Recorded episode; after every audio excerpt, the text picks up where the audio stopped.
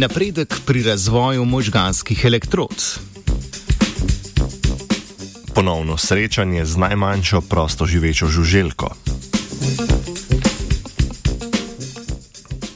Nov način določanja mase nevtronskih zvest.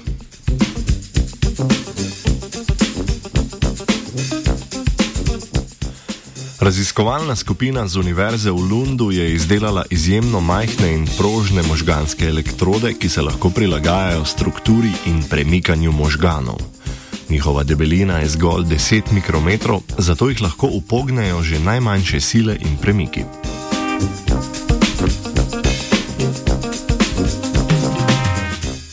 Delovanje možganskih elektrod so preizkusili tako, da so niz osmih elektrod obdali z biorazgradljivim gelom v obliki osti in ga za tri tedne ustavili v možgane podgane.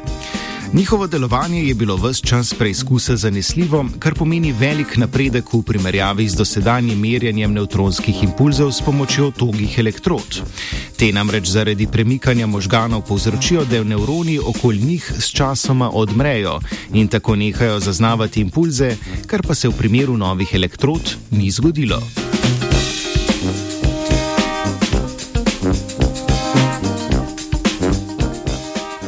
Katera je najmanjša žuželka, je znano že dolgo. Gre za samca parazitoidne ose vrste Dicopomorpha ehmeterikis, ki meri samo 139 mikrometrov oziroma malo več kot eno desetinko milimetra in za svoj razvoj nujno potrebuje gostitelja.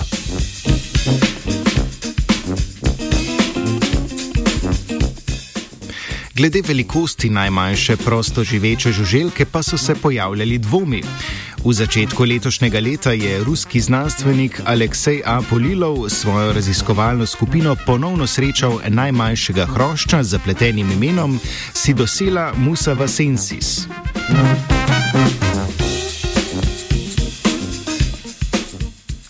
Odrasle osebke te vrste hroščev so odkrili že leta 1999 v Nikaragvi, a so bile izvedene meritve velikosti netočne. Nove predstavnike najmanjše vrste žuželk pa so našli v Kolumbiji. Zbrali so 85 primerkov, jih preučili in izmerili pod elektronskim mikroskopom. Najmanjši osebek je v dolžino meril samo 325 mikrometrov oziroma nič cela 3 mm, širok pa je bil manj kot desetinko milimetra.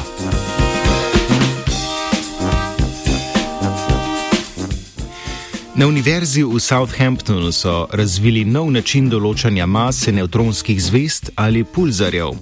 Te okoli 12 km velike in izjemno goste zvezde se vrtijo zelo hitro in pri tem proti Zemlji oddajajo oscilirajoče elektromagnetno sevanje. Vrtenje pulzarjev je enakomerno z, izjemno, z izjemo kratkotrajnih pospeškov, ki se zgodijo vsakih nekaj let.